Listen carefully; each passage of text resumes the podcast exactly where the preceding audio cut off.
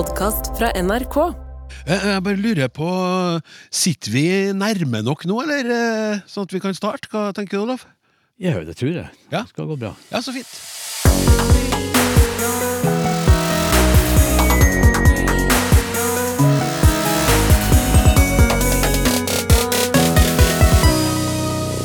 Hvorfor får et nytt fylke navnet Innlandet, mens et annet heter Vestland? Kan vi vennligst få en oppklaring i bruken av nær og nærme? Hva i alle dager har fallende føtter med gravide kvinner å gjøre? Og var det svensken, dansken eller bergenseren som først begynte å slite den med helsa? Hjertelig velkommen til en ny runde med snakk om språk, basert på spørsmål sendt inn til snakk krøllalfa eller som SMS til 1987 med kodeordsnakk. Vi er fullstendig avhengig av dine bidrag, kjære lytter, og derfor er det både viktig og riktig av meg å klargjøre en ting her og nå. Det kan ta tid før akkurat du får din undring opplest og besvart. I enkelte tilfeller ganske mye tid, noe vi får eksempler på i dag, og det her skyldes absolutt ikke vond vilje eller sendrektighet. Vi forsøker hele tida å ha en eh, fin miks av ulike emner. Vi har alltid lyst til å by på en twist-pose av en sending, sånn at alle får en godbit eller to i løpet av episoden. Dessuten så spørs det jo hvilke språkforskere som er til stede i studio, for en eh, språkforsker og en språkforsker er jo, som vi alle vet, to forskjellige ting. Eller personer, da. Med ulike interesser innenfor eh, språkfeltet. Ok, så var det sagt. La meg nå si hvem som er på besøk i studio i dag. Vi har med oss Leif Inge Aa, og med to A fra Institutt for lærerutdanning, NTNU. Velkommen. Takk for det. Vi har også med oss Margunn Rauseth fra Institutt for lingvistiske, litterære og estetiske studier, Universitetet i Bergen. Hun er også prosjektleder for revisjonsprosjektet og leder for ordbokmiljøet ved Universitetet i Bergen. Velkommen til deg òg. Og så har vi da Olaf Husby, Institutt for språk og litteratur, NTNU, og fonetikkskolerektor. Velkommen, Olaf. Tusen takk.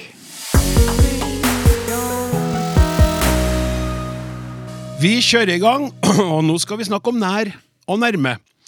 Eh, Jeg hørte jo med stor interesse i sted, Olaf, at du godtok at jeg sa 'sitter vi nærme nok'? Når jeg spurte deg i prologen. Ikke si noe annet, for nå skal jeg lese opp e-posten fra Ragnar. Jeg hører med stor interesse på programmet og håper det kan bringe klarhet i en ordbruk som jeg irriterer meg over, blant annet fra NRKs ansatte. Åh, det gjelder bruken av nær og nærme. Det synes å ha blitt vanlig å si at man var nærme, men jeg mener at det heter å være nær. Oppfatter at nærme er et verb, særlig i forbindelse med å nærme seg, mens nær er et adverb som beskriver avstand. Håper å få klarhet i temaet fra ekspertene. Ja, Olaf, kan vi få klarhet? Vi skal prøve. For det første, dette er en form som jeg ikke bruker. Men det er helt greit for meg at du bruker den. Altså. Ja, hva sier du da? Jeg sier nært, eller sitter vi nært nok, eller Ja. noe sånt vil jeg si. da.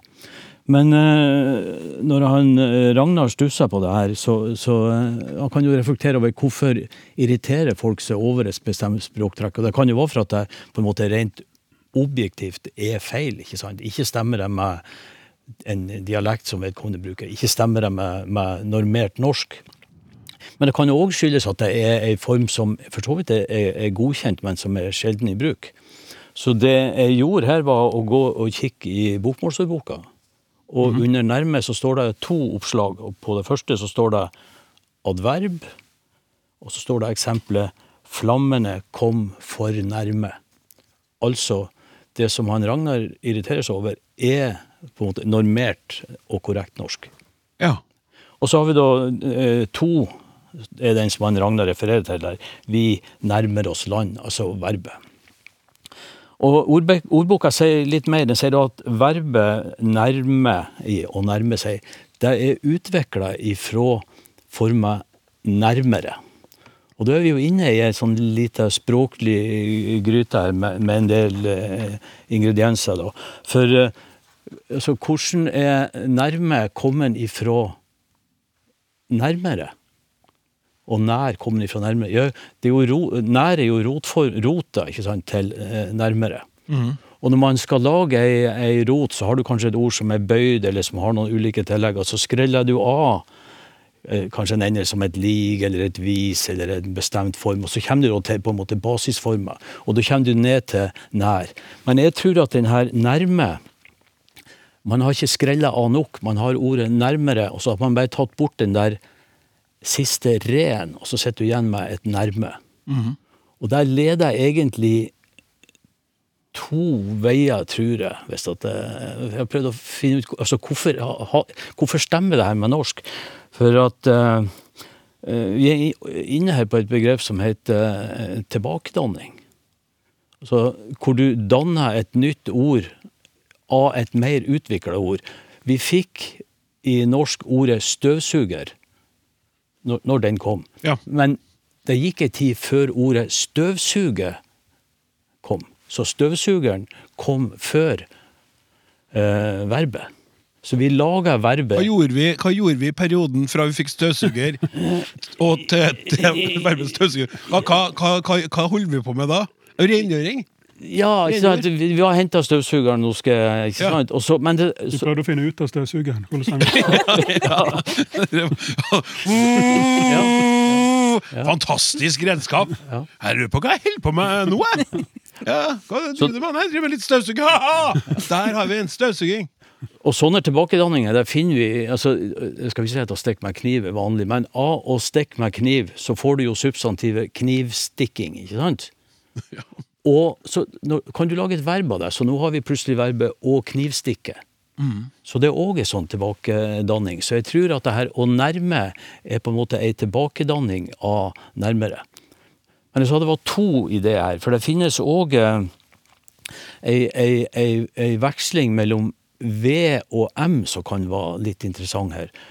Vi kan jo si eh, på norsk havn eller hamn. Sant? Navn, navn. Og når jeg kikker i, eh, i ordbøker, hvor mange ord er det som veksler med VM, men som ligger i nærheten av det her, så finner jeg ord som eh, skal bare kikke på, på, på lista her. Eh, jeg vil si atme. Han sitter attmed henne. På bokmål så vil, det, eh, vil man kunne si ja, han sitter bortved. Men på nynorsk vil man kunne si bortmed. Så vi får ei lang liste her med attmed, med, fram med, nord med, opp med, ut med, inn med. ikke sant? Men vi har òg paralleller hvor den M-en er bytta med V. Sånn at jeg tror den M-en her og V-en spiller en liten rolle. Så at nærme, om det kan være i slekt ved nær V Ja. for da er det kanskje inspirasjon å hente fra en helt annen plass.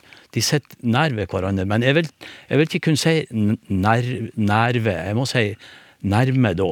Riktignok et ord som jeg ikke bruker, men jeg sier attmed og ikke attved. Og så videre. Bruker du ved i dialekter det gjelder? Attmed, Ved, utmed altså preposisjonen ved. Nei, jeg, jeg må Den si med. Ja, jeg, samme her. Den ved er bare en skriftpreposisjon Ja, for meg, ja, mens jeg ja. har med i talemålet i Ja, alle betydninger av ved. Ja. Så jeg tror det er en viss sjanse for at det er den M-en vi ser i nærme. ja. Og da har kanskje de her to, den tilbakedanninga fra nærmere til nærme, pluss den med-en her, forsterka hverandre. Så vi fått det ordet, da, som, som, er, i, som er nytt for en Ragnar, ja. men som står i ordboka. Ja. Så bra. Tusen takk skal du ha. Håper Ragnar syns eh, svaret ga mening, i alle fall at du var nærme eh, Ja. det han ville fram til. Da skal vi hoppe eh, til noe helt annet. Det her er jeg spent på, eh, for det uttrykket kjenner ikke jeg til i det hele tatt. Eh, og Sissel Kobberstad hun skriver Hei! Min mormor, født 1891, og hun var fra Bergen, sa alltid at noen var på fallende føtter når de var høygravide. Jeg bruker det også, men må noen ganger forklare hva jeg mener. Hilsen ihuga lytter Sissel. da. Så hun spør jo ikke eh, her, men jeg tror nok hun ønsker at det skal snakkes om hva det betyr. Og som sagt, aldri hørt det før. Eh, så Margunn, gleder meg til å høre hva det betyr. Ja, At man er høygravid, men hvorfor? Det er jo ikke helt opplagt svar her.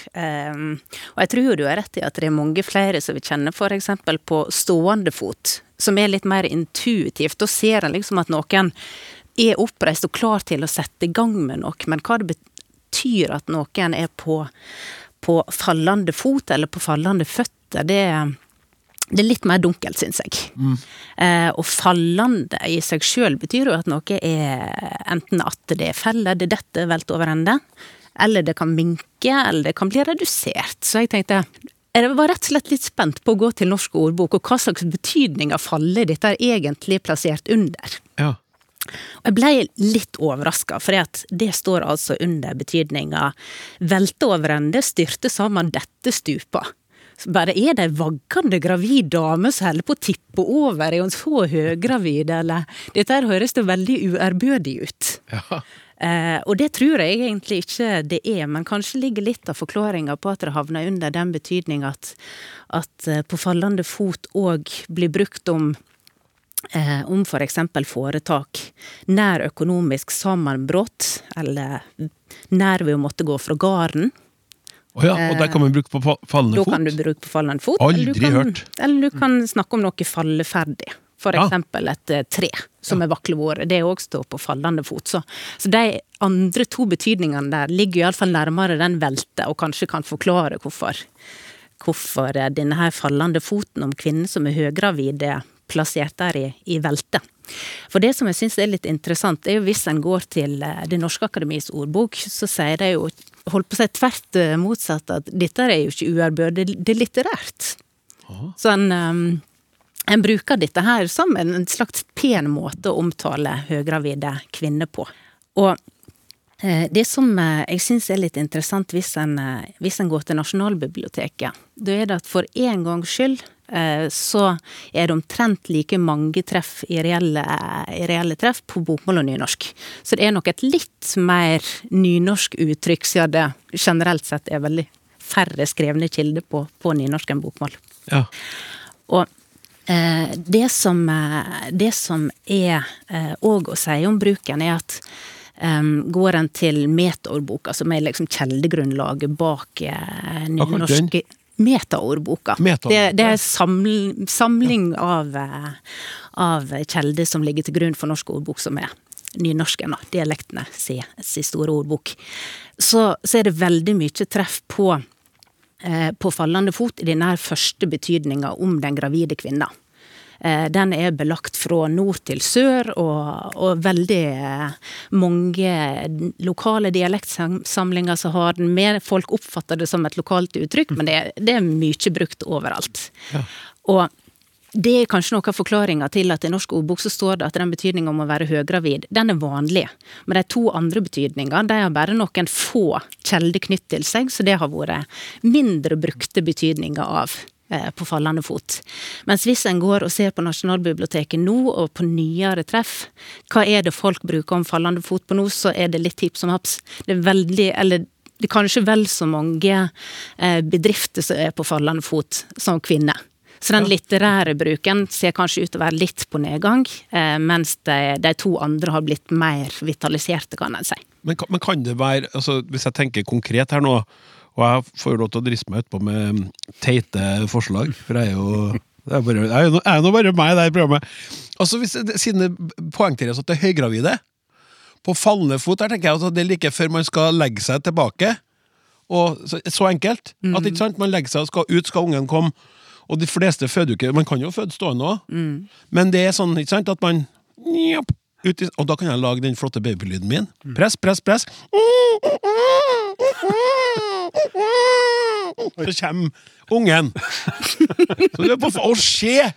Se Anne, hun er på fallende fot. Det, ja, hun er over, to uker over termin. Sant? Rett og slett. Ja, kanskje er det så enkelt. vi snakker om nedkomst og sånt. Mm. Kommer ned der. og Ja. Nedkomsten er og fødselen. ja, en bevegelse nedover. Ja.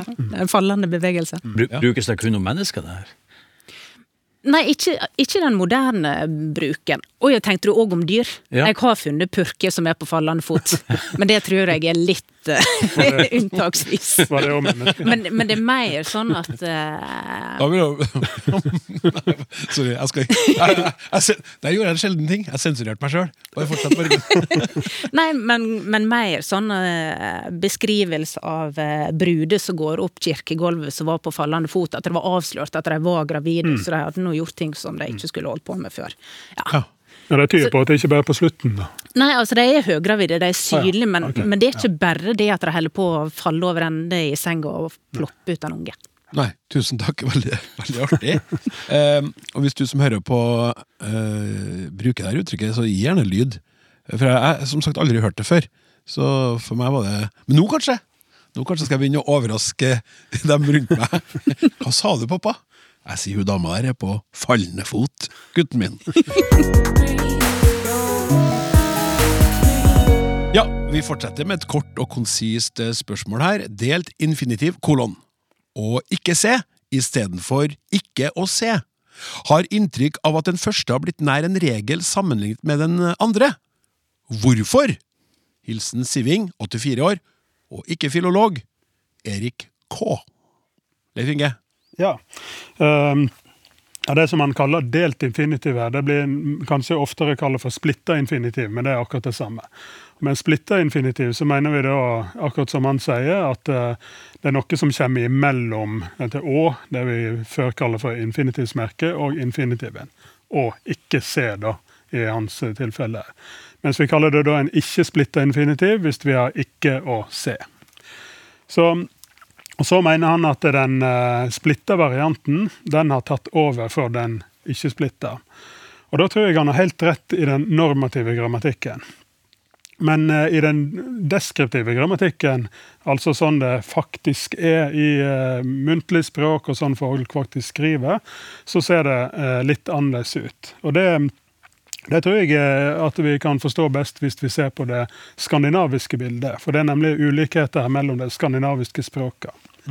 For i svensk, da må en ha splitting. Der, der, er det, der er det fint nødvendig med splitting. Der heter det eksempel 'Jeg lover in, at inte sier något'. Ja. At inte sier. Mens i dansk, da kan en ikke ha splitting. Da, da blir det altså 'Jeg lover ikke at sige noe'. Sant? Du kan- lover ikke si noe. ja, nettopp. Ja. Så, det er, så jeg kan ikke ha splitting. Mens i norsk da kan vi da i um, um, prinsippet har begge deler. Vi kan si 'jeg lover ikke å si noe', 'jeg lover å ikke si noe'. Ikke å, eller å ikke. Ja.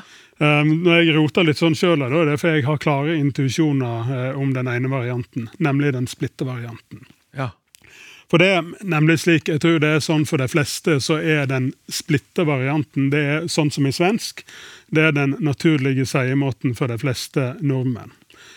Men så har vi blitt lært eh, opp i skrift til eh, i, i, ganske sterkt, i hvert fall en del av de som er litt eldre enn meg, har lært at det, ingenting skal komme Eller alltid etter infinitivsmerket så skal det følge en infinitiv. Det er på en måte en sånn skriveregel. da. Og Derfor blir vi livredde for å splitte infinitivene. For dette, det må følge et, eh, Du skal alltid ha et eh, verb etter å da, i infinitiv. har mange lært i skolen. Og Derfor oppfatter de da eh, å ikke si noe som feil. Det, det, det bryter med den gamle normative regelen. Um, og så lever jo, I tillegg så har jo denne her ikke-splittinga Den har jo um, den, kjem, den har jo òg åpenbart uh, uh, Den er helt rigid i dansk, i dansk skrift og i dansk tale. Så sånn sett har han vært veldig lett å overføre til dansk-norsken i sin tid, og sier da til riksmålet og til bokmålet. Um, men så er det sånn at, og dermed òg har en oppfattet det, men så merker en at i skrift har den splitta varianten da begynt å komme inn etter hvert likevel. Og det er den eh, tingen jeg tror han har observert. det. Han har jo lært et eller annet i skolen som nå folk har begynt å synde mot. Men så er da spørsmålet hvor gammel er den her splitta infinitiven? Er det noe vi alltid har gjort? Um, Ja, hvor gammel er den her eh, splitta infinitiven egentlig? Er det noe vi alltid har gjort? eh, eller Ja, Undres jo er jeg som det, det er mange som spør. Ja, godt, godt spørsmål. Det, det, det, det um, Jeg har i hvert fall sett at han, eh, det er en språkforsker oppe i Tromsø som heter Endre Mørk. Han har, eh, han har eh, observert det i, i, ja, i dansk skrevet i Norge tilbake på 1700-tallet. Og jeg har har sett i uh, denne berømte meterboka som Margunn snakket om i stad. Der finner vi òg i det tidlige landsmålet. Så skrev jo Anne Garborg og, og, og Vinje de, skrev, de splitta jo som bare det da, i landsmålet. Arne Garborg han skrev blant annet mange av dem så ut til å ikke bry seg stort mer om kunnskapen enn guttene. Mm. Og, sånn, og da, da, er det tydelig at de vil um, og da, da, kan du tenke, da skriver de bare med ikke-splitt i den uh, samtidige dansken, men så skal de etablere et landsmål her, og da etablerer de det òg med en De ønsker å skape splittelse? Ja, ønsker å skape splitting, ja. ja. Rett og slett. Ja, Det er spennende! Bevisste språkbruk som går mot det danske. ja, ja. ja. Og Hvis jeg skal være litt normativ i dag, eh, så vil jeg ikke bare fordi jeg er en tilhenger av både folkemål og av eh, det, både det nye og det gamle landsmålet, så vil jeg selvsagt tilrå splitting, rett og slett, hvis vi skal tenke på klarspråk. Mm. Hvis du har en setning som 'jeg lover ikke å si noe', den kan du tydeliggjøre muntlig hva du mener. for Da kan jeg legge trykk på ulike ord. Jeg kan si, Hvis jeg hadde kommet hit til studio i dag, så har jeg sagt uh, um, 'Jeg lover ikke å si noe'. Sant? Jeg kan ikke love at jeg skal bidra med noe som helst. Da jeg, kommer, jeg kan komme med 'jeg lover ikke' og si mm. noe. Mm. Da, da, da, negerer dette ikke tydelig 'love'. Jeg kan ikke love. Mm. Jeg skal si noe. Og da er ikke den, da er ikke den splitta infinitiven. Hvis jeg sier, ja, Da negerer ikke det infinitiven. Hvis jeg sier 'jeg lover ikke å si noe', mm. da, da, gjør det tydelig at det ikke hører til i å-setninga. sånn at det, I muntlig da kan jeg tydeliggjøre det. Mm. I skrift kan jeg ikke det like lett. Men en måte jeg kan tydeliggjøre at hva jeg vil negere i skrift, det er at jeg splitter infinitiven. Mm. Jeg lover å ikke si noe. Da er det entydig hvor det ikke hører til, nemlig i infinitivsetninga.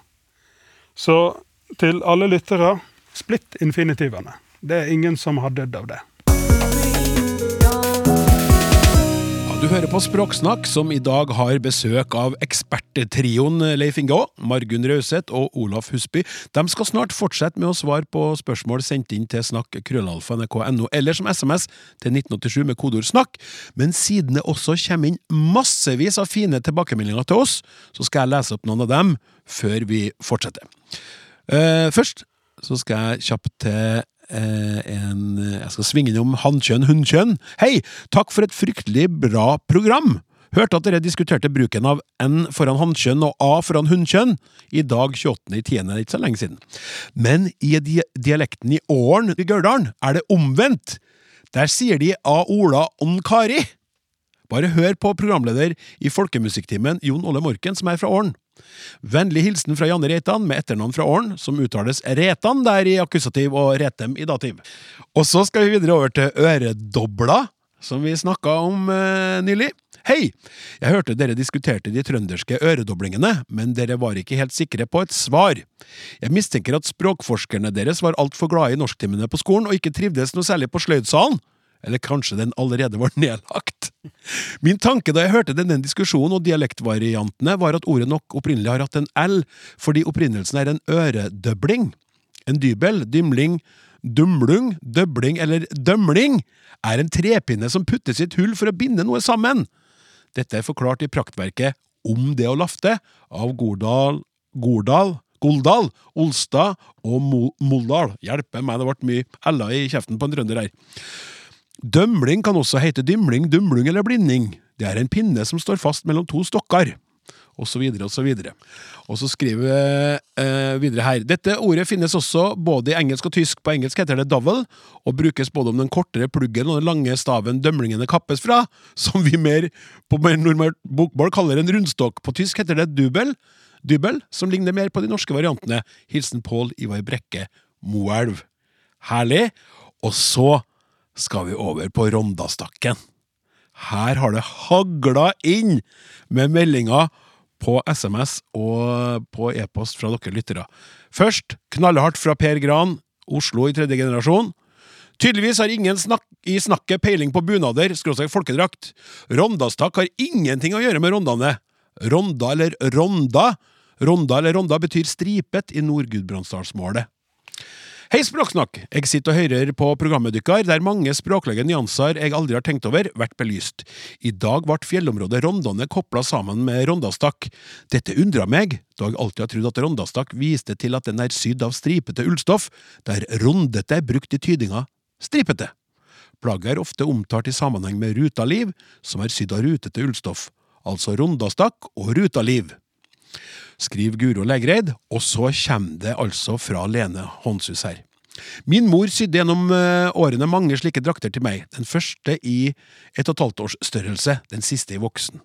Hun hadde ingen annen forklaring på navnet på denne drakten, som hun alltid omtalte som rondastakk og rutaliv, ettersom livet overdelen er rutete og stakken, skjørtet, stripete, altså renner. Ei rann, flere renner og det tilhørende adjektivet er rund, med tilhørende endinger varierende med kjønn, tall og i eldre tid antagelig kasus. På islandsk er det røndi. Det hører med til bildet at slekta hører til i Gudbrandsdalen, og Rondane alltid har vært vår fjellheim. Min mor så en klar sammenheng, at betegnelsen Betegnelsen har samme opphav. Kast et blikk på et bilde fra Rondane, særlig med litt snø på, så ser du tydelig at fjellene der har vertikale striper, renner, altså er rondi, som min mor mente var opphavet til navnet på denne fjellheimen. Ja, jeg får noe gåsehud av uh, å lese sånne fine tilbakemeldinger. Så har jeg eh, eh, søkt sjøl i Store norske leksikon, og der står det Navnet Rondane kommer av norrønt rond, rand, stripe, antagelig opprinnelig navn på Rondvatnet eller skaret som vannet ligger i. Flere av navnene på fjelltoppene med Rond er nylagde turistnavn. da. Og så til slutt så har vi bildet Ser dere hvilket bilde her er? Vinternatt i Rondane. Vinternatt i Rondane hjelpes meg et så fantastisk eh, vakkert maleri. Så, og vakre tilbakemeldinger fra lytterne. Tusen eh, takk skal dere alle sammen, og vi kjører på!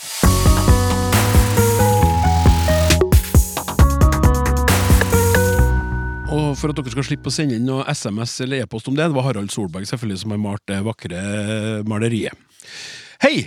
Søndag 26. februar 2023, da er vi på en e-post som har kommet inn for en god stund siden, som vi nå tar for oss. Ble Tove Bull omtalt som professor emerita, altså hunnkjønnsform? Emeritus betyr ukjent, pensjonert. Professor er hannkjønn, og da skal det vel hete emeritus uansett professorens kjønn? Vennligst oppklar dette, og gi beskjed til avisredaksjoner dersom det skal hete emeritus. Vennlig hilsen Inger Lise Eriksen, latinartium 1965! Olaf, ja. når tok du din latinartium? Jeg var for sein, gitt. Jeg begynte for seint på skolen til, til, å få latin, og det skulle jeg gjerne hatt. Altså. Ja. Men uh, vi, får, vi, får, prøve å oppklare det her. Svaret er for så vidt gitt. Hun har uh, rett, altså. At uh, det bør være emeritus. Men vi skal nøste litt opp i det her. For at vi kan se litt på historie her. Altså, I 2010 tror jeg, så, så gikk Arne Torp, professor i Oslo, hardt ut og kalle denne professor Merita for et språklig misfoster. Nettopp av den grunn at Vi skal komme inn på hvorfor det er misfoster. Og han fikk støtte av Språkrådet. Ja. Lomheim. Og det var en debatt rundt der etter hvert hvor Språkrådet trakk seg tilbake. og de, de, var veldig høyt på banen til å begynne med, men så endte de på en måte på langt ned på, på egen banehalvdel. Og uh, i, uh, ja, det, var, det, var, flere som var inne i den debatten, og de peka nettopp på det her med at en, en, det oppstår en grammatisk feil her som, som ikke bør brukes. Og hvis vi bare eh, tar, vi tar et skritt tilbake og ser på Uh, altså Når vi velger et ord og skal begynne å beskrive det ordet, mm. så er vi på mange måter allerede fanga, for det er kvaliteter i det, i det, ordet vi velger, som tvinger andre ord til å, å, å ta i bestemt form. Hvis jeg sier hus, og jeg skal bruke uh, adjektivet ny, så må jeg si ett nytt hus. Men hvis jeg velger ordet bil, så kan jeg ikke si ett nytt bil. Det blir én ny bil. Sånn at kjønn på substantivet her på en måte, eh, dirigerer hvilke ord som er knyttet til den samme frase, må få. Hva slags mm. form de må få. Og det er det som skjer her. Og kontroversen her skyldes jo at professor er hannkjønn, mm. og eh, emerita er hunnkjønn. Og eh, jeg vet ikke hvordan altså, Jeg prøvde å kikke etter norske eksempler. Jeg fant ikke så, så, mange som For på norsk så er jo hannkjønn og hunnkjønn eh, eh, substantivene tar jo de samme endingene. Du kan si en hyggelig, eller en ny ekspeditør, en ny ekspeditrise, ikke sant? En ny lærer, en ny lærerinne. Men jeg fant ett ord, og det var ombud. Så du kan si et nytt ombud. Man kan ikke si et ny ombud. Det vil være en, en direkte parallell til denne professor emerita. Så eh, Arne Torp han gikk jo så langt at han sa hvis dere vil beholde emerita-endelsen, så må dere lage et nytt eh, ord i hunnkjønn for professor. Og det blir da etter latinske regler profestrix. Professtrix. Ja, Asterix og Obelix og Professtrix. Ja, professtrix emerita og professor emeritus. Oi, oi, oi. Og, og eh, Språkrådet de har da ei, ei liste hvor de, de, de ser på alternativene. Og de sier altså de, Du har de tre alternativene da, da, som skal brukes om en kvinnelig professor som er, er, er gått av. Ja. Skal vi velge professorix emerita, professor emeritus eller professor emerita? Og de sier eh, Altså, den første der, eh, professorix, altså ordet fin, brukes ikke.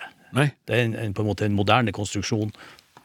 Og, og professor emeritus ja, Vi har bestemt oss nå ikke sant, at vi har ei eh, I dette tilfellet vil man tydeliggjøre kjønn på den personen det gjelder, og da skal det være en A-endelse. Så de tilrår at man bruker emerita, Jaha. og sier at det er ikke uvanlig For det, for det første finnes det ord i latin som har eh, som er hokjønn. For eksempel ordet nauta, sjømann, er et hunnkjønnsord.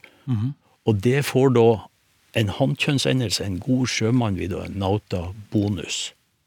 Så der har man gjort det allerede i latin. Og så sier de jo, folk som diskuterer at latin er jo for så vidt et dødt språk, men rester av det lever blant oss. Og det er ikke urimelig at det språket som lever blant oss, former seg etter den virkeligheten som vi lever i. Og den virkeligheten krever her at vi bruker en hokjønnsendelse på emerita.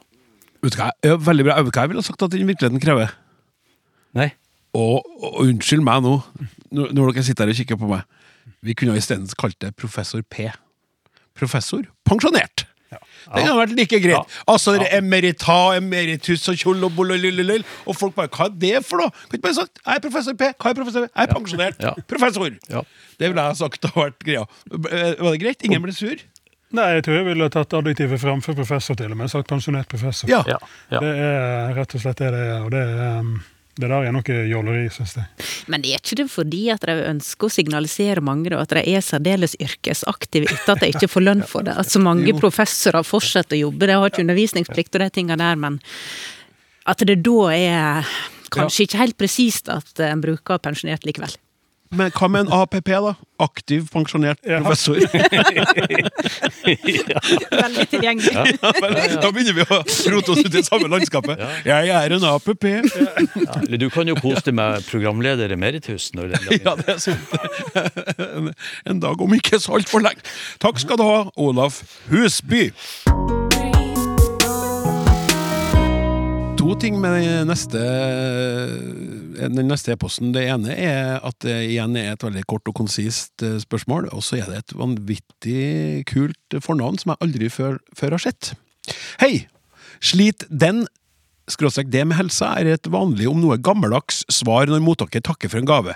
Jeg lurer på hvor dette uttrykket kommer fra. Hilsen Laurense. Altså, jeg gjentar Lørense. Og da måtte jeg sjekke, eh, når jeg hadde lagt det i manuset, om jeg hadde glemt av en N. Og det skulle egentlig være Lørensen, men det er det ikke. Det er Lørense som er fornavnet. Så flott et navn. Margunn, har du et svar, eller? Ja, Um, det er iallfall ikke noen tvil om at dette har ei lang historie i, i norsk. Uh, og at um, det kan se ut til at ordbøkene mener at det er litt sånn sjølforklarende. For det, det er vanskelig å finne ei forklaring på konkret hva det betyr. Det er tydelig at denne slite bruker vi i betydninga at, at en bruker noe så mye at, at bruken setter merke. Altså det er kanskje et synonym kunne vært å forringe. Eh, Så det handler ikke om å rive i stykker eh, på den måten. Eh, Med helsa betyr noe sånt som med helsa i behold, frisk, uskadd. Og her er det jo viktig å ikke glemme ut pronomene, for da får vi jo sliter med helsa som en oppfordring til å ha vannhelse, så det er jo ikke det vi holder på med. Tvert om er jo dette her en sånn høflighetsfrase som som vi gjerne i faglitteraturen snakker om som en rutineformel. Dette her er sånn fast, et fast uttrykk vi kan gripe til i en helt konkret situasjon. Der eh, person A gir noe til person B, sier kanskje 'vær så god'. Da er det òg en rutineformel. Det er det vi alltid sier når vi gir noe. Mm. Person B sier takk, òg en rutineformel.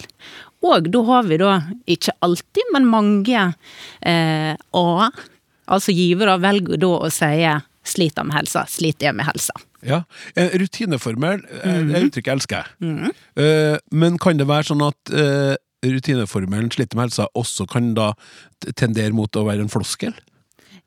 Absolutt, det gjør jo Grenselandet mellom floskler og klisjé og faste uttrykk er jo veldig diffus. Ja, nettopp. Eh, For en sånn rutineformel som takk, mm, sånn, den mm. kommer jo her alltid. Den vil jo aldri bli opplevd, opplevd som noe annet enn det du, du, skal si. Mm. Men sånn, vær så god. Så hvis du tar, for eksempel du har gitt meg noe, og så har jeg sagt eh, takk, jeg skal slite med helsa. da hadde du knabba rutineformelen fra personer. Brutt rutinen, ja.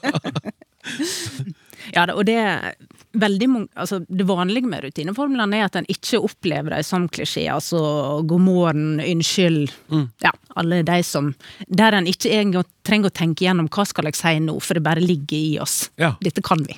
Dette ja. er det jeg skal si. Det er det som er forventa av meg.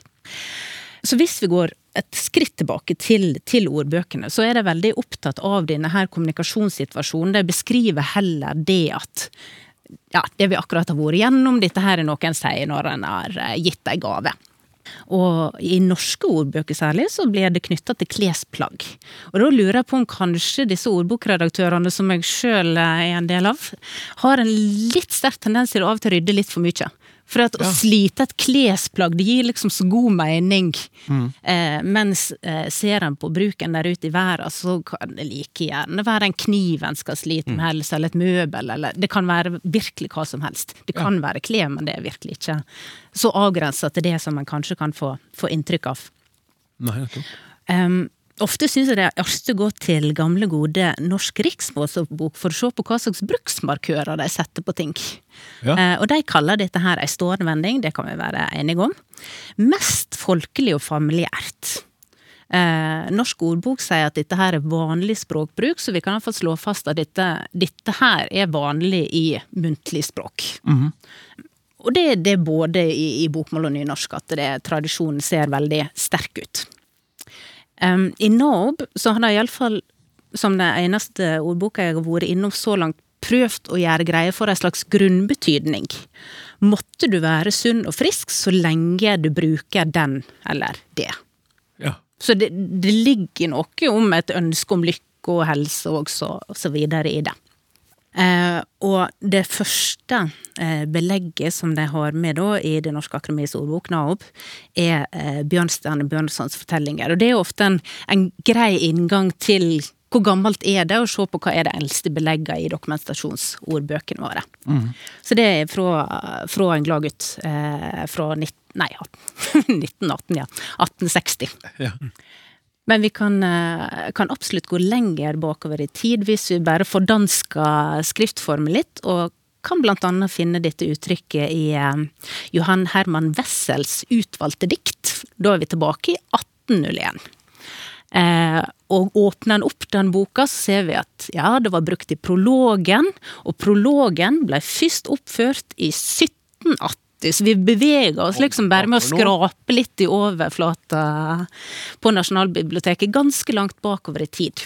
Som et språkets flakslodd har holdt på med, og skrapa og skrapa ja, ja. og funnet, fått, fått, små premier? Men, men det er ingenting sammenlikna med svenskene.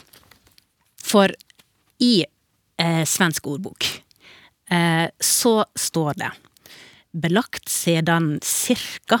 1420. Oh. Altså, vi snakker 600 år her. Det, det, er jo fantastisk, da. At ting som er helt ja, levende i språket vårt i dag, kan spole så langt tilbake. Og det vil jeg bare si at den første skriftlige kilden, altså hvor lenge det har vært muligens i muntlig språk før det havner inn i ei bok, vet vi jo strengt tatt ingenting heller om. Og og svensk ordbok det er faktisk det eneste ordboka jeg har kommet over som faktisk har prøvd å definere det. Håper du får glede av den.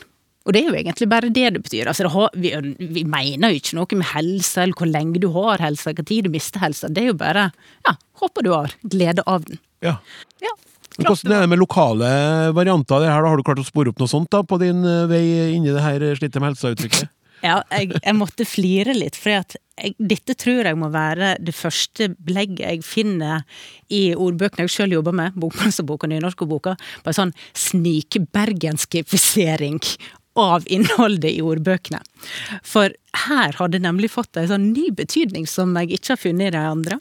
For i Bergen så er det jo en helt nydelig variant med eh, ei elliptisk form, altså en nedkorta form, der du bare sier 'slit han', eller 'slit han'. Slit han. Slit han.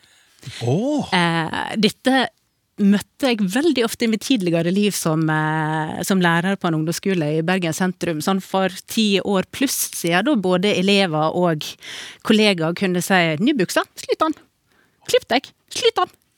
Altså virkelig sånn, det er bare en leksikalisert form. Gratulerer. Eh, og det utrolig utrolig triste med det her er at jeg tok en liten sånn miniundersøkelse blant unge bergensere. Sier dere dette ennå? Nei, da sier jeg jo 'kul jakke'.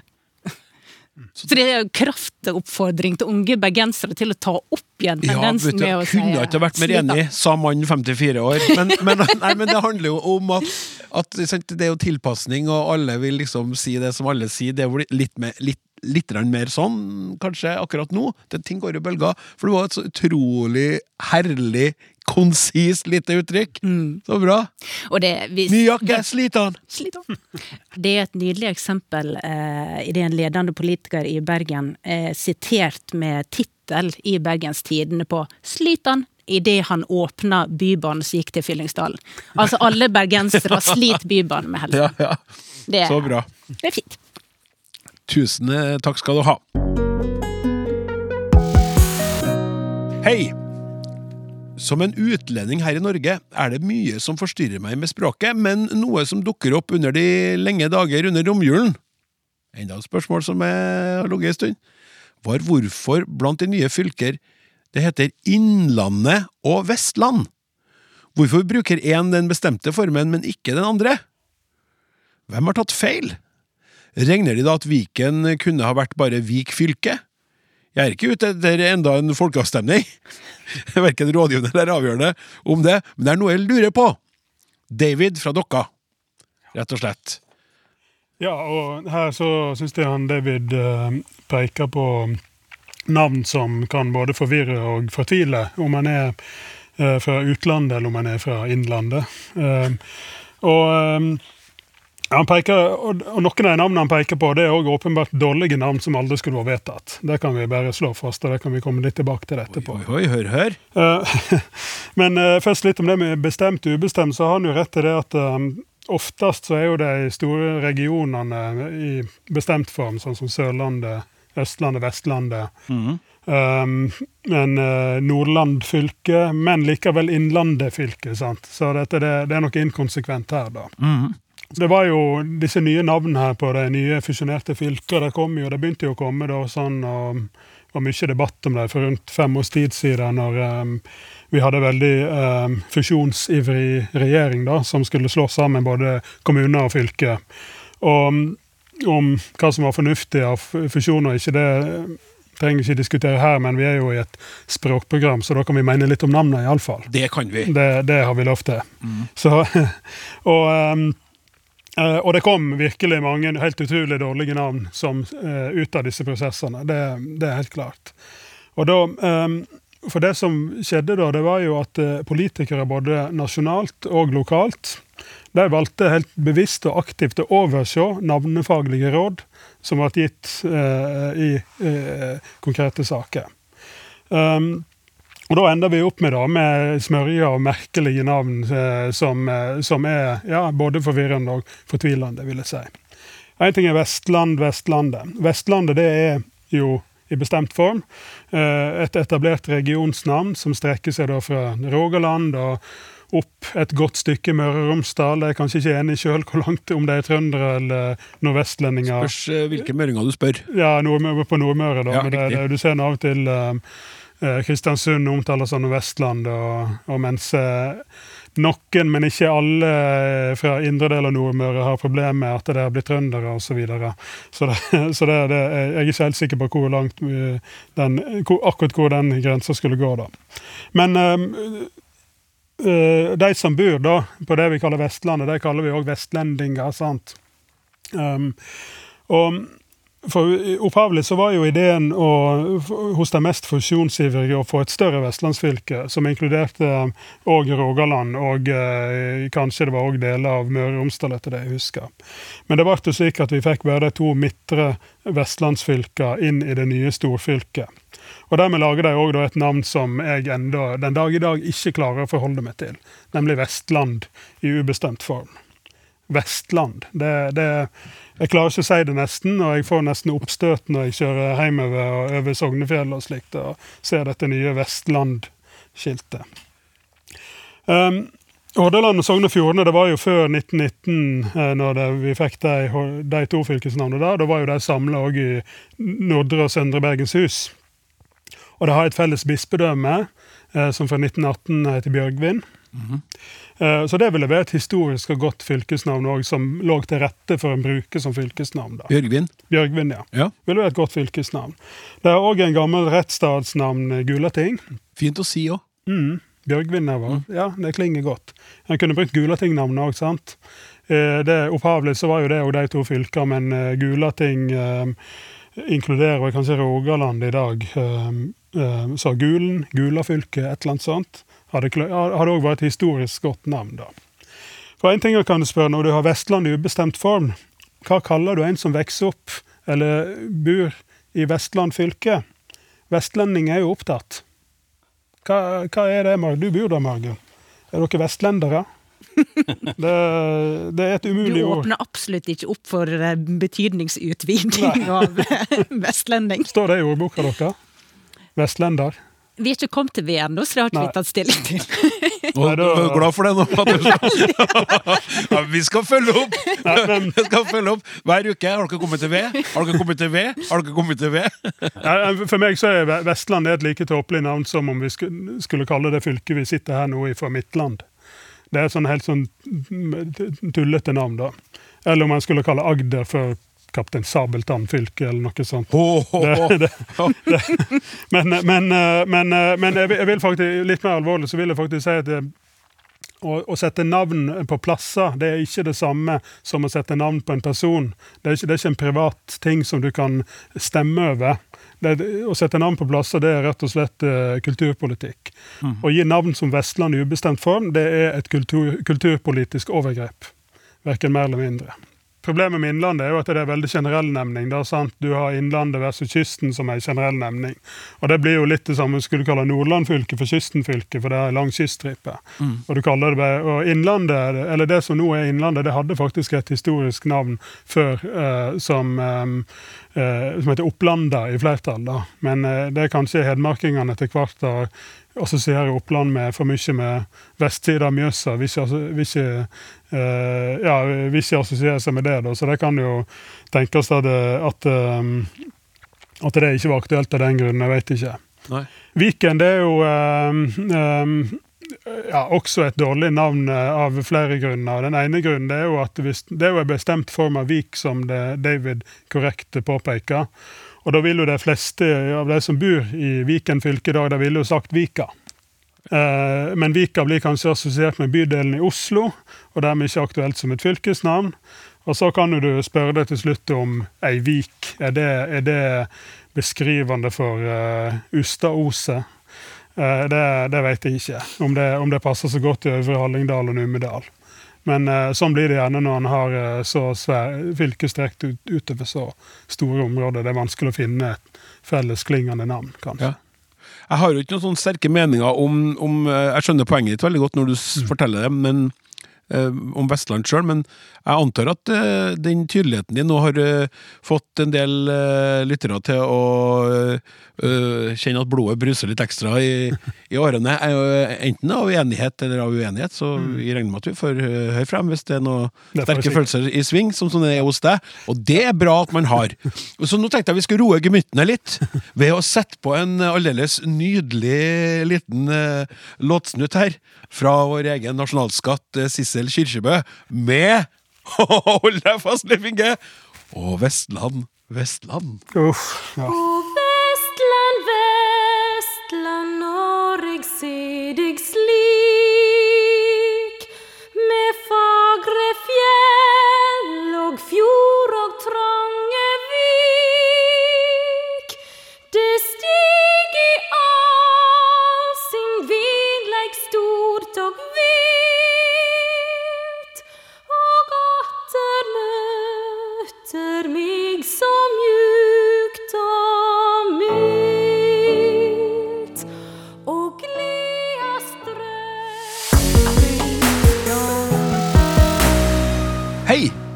Hørte i kveld i Dagsnytt 18 programleder Espen Aas bruke et uttrykk om salt som vel må kalles, ja, en for meg, ny metafor. Det var, det var diskusjon i studio om revidering av ordningene for stortingsrepresentantene, der leder av utvalget, en representant fra partiet Rødt, og stortingspresidenten deltok. Programleder eh, Aas avsluttet ordskiftet med å si følgende, og vi kan jo høre på det her. Eh, Gharkhani, når eh, får vi vite hva man ender på? Er det langt frem i tid? Nei, altså Allerede denne uken skal vi ha møte i presidentskapet. og Da skal vi legge opp en fremdriftsplan og så skal vi involvere alle politiske partier, slik at de får behandlet det godt. Og så satser vi på å behandle dette så fort som mulig i Stortinget. Vi får se om dere fortsatt har til salt i såret. Masud Gharahkhani, stortingspresident. Marie Sneve Martinussen, stortingsrepresentant fra Rødt. Og utvalgsleder Therese Johnsen. Takk skal dere ha.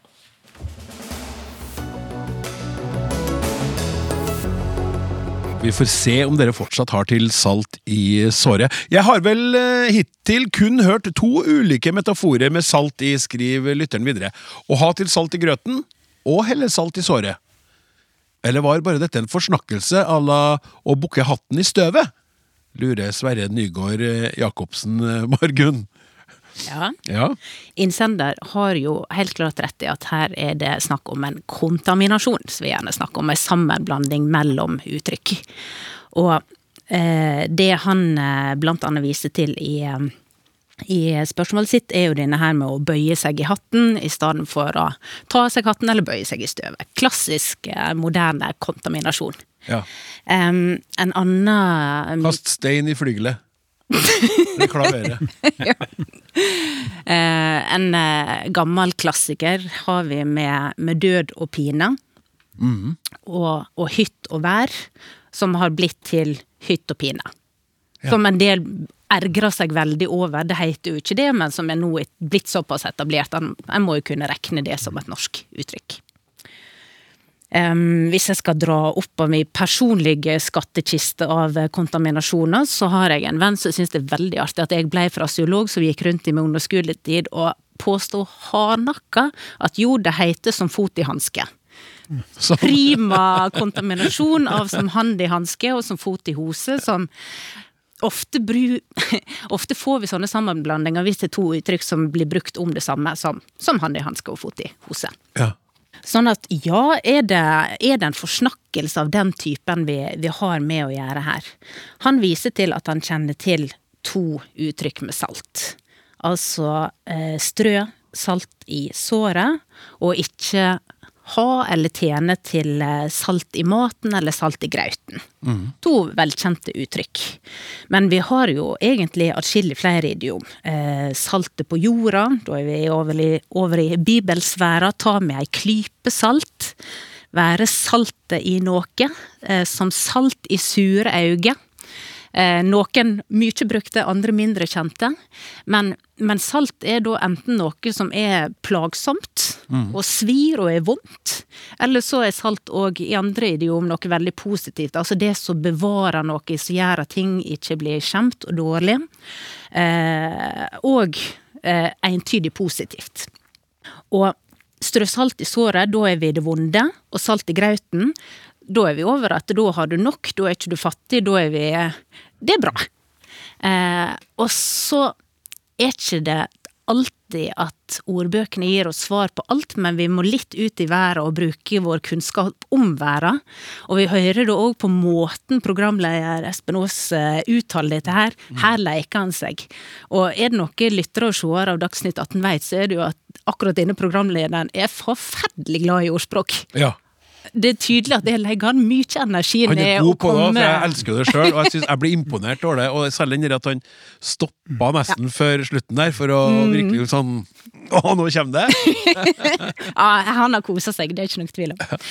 Og, og det som eh, det som jeg tror han prøver å formidle her, det er kanskje noen av- av den tvetydigheten at disse stortingspolitikerne våre de, for, de fortjener kanskje litt salt i såret. Altså, De har nå rota noe fryktelig med disse ordningene. Altså, det, litt kan de nå forsvi og, og få, og få ja, angre på at de ikke har vært ryddige. Og dette med å ha nok til salt i grauten ja, det betyr jo bare at vi ønsker at de skal ikke stramme så mye inn at folk ikke har lyst til å bli politikere lenger. Vi, vi er jo klar over det at eh, bevilgninger må de, eller lønn må de få som er ordentlig. Og det er en tredje ting der. Har ha nok til salt i såret i det norske samfunnet i dag har ofte en litt ironisk snert. Vi er ofte over i disse mange milliardærene som har til salt i såret. Eh, og jeg, eh, jeg fant et eksempel eh, der det faktisk er den samme kontaminasjonen som er brukt som Espen Aas. Han var slettes ikke den første som sa dette her. For hvordan skal barna ellers arve nok, så de har salt til såret og ny Jaguar? Um, Nydelig. ja, det er fint. Uh, og det, jeg så det eh, at det var flere som hadde brukt dette uttrykket enn jeg var klar over, og det, det blir òg i, i, i de tekstsamlingene jeg så brukt som ja, dette her er noe som folk har begynt å rote i hop. Nei, nei, jeg har jo hørt det der muntlig for 20 år siden cirka, der det var en som uttrykte eh, litt misnøye med lønna i den nye jobben sin, og da sa han jo akkurat dette her, nei, om han var fornøyd med lønnen. Nei, jeg, jeg har noe til salt i såret, sa han. Det, det var 20 år siden. Nemlig. Det er jo kanskje ikke så artig for Espen Aas at vi holder på med det. Nei. 20 år siden og sånn. avslørt. Nei, men også fortsett med det. Vi liker det veldig godt, og det passa jo veldig bra der det kom. Og takk skal du ha, Margunn, for no, minuttene de styrta av sted som ville hester over alle hauger. For å omskrive Charles Bukowski en smule. Vi har ikke mer tid igjen enn det som trengs til å takke deg som hørte på, og ikke minst våre tre fine språkforskere, Margunn Røseth, Leif Inge Aa og Olaf Husby. Tekniker var Martin Våge, produsent Jørgen Aune Hagen. Jeg heter Klaus Sonstad. Vi snakkes!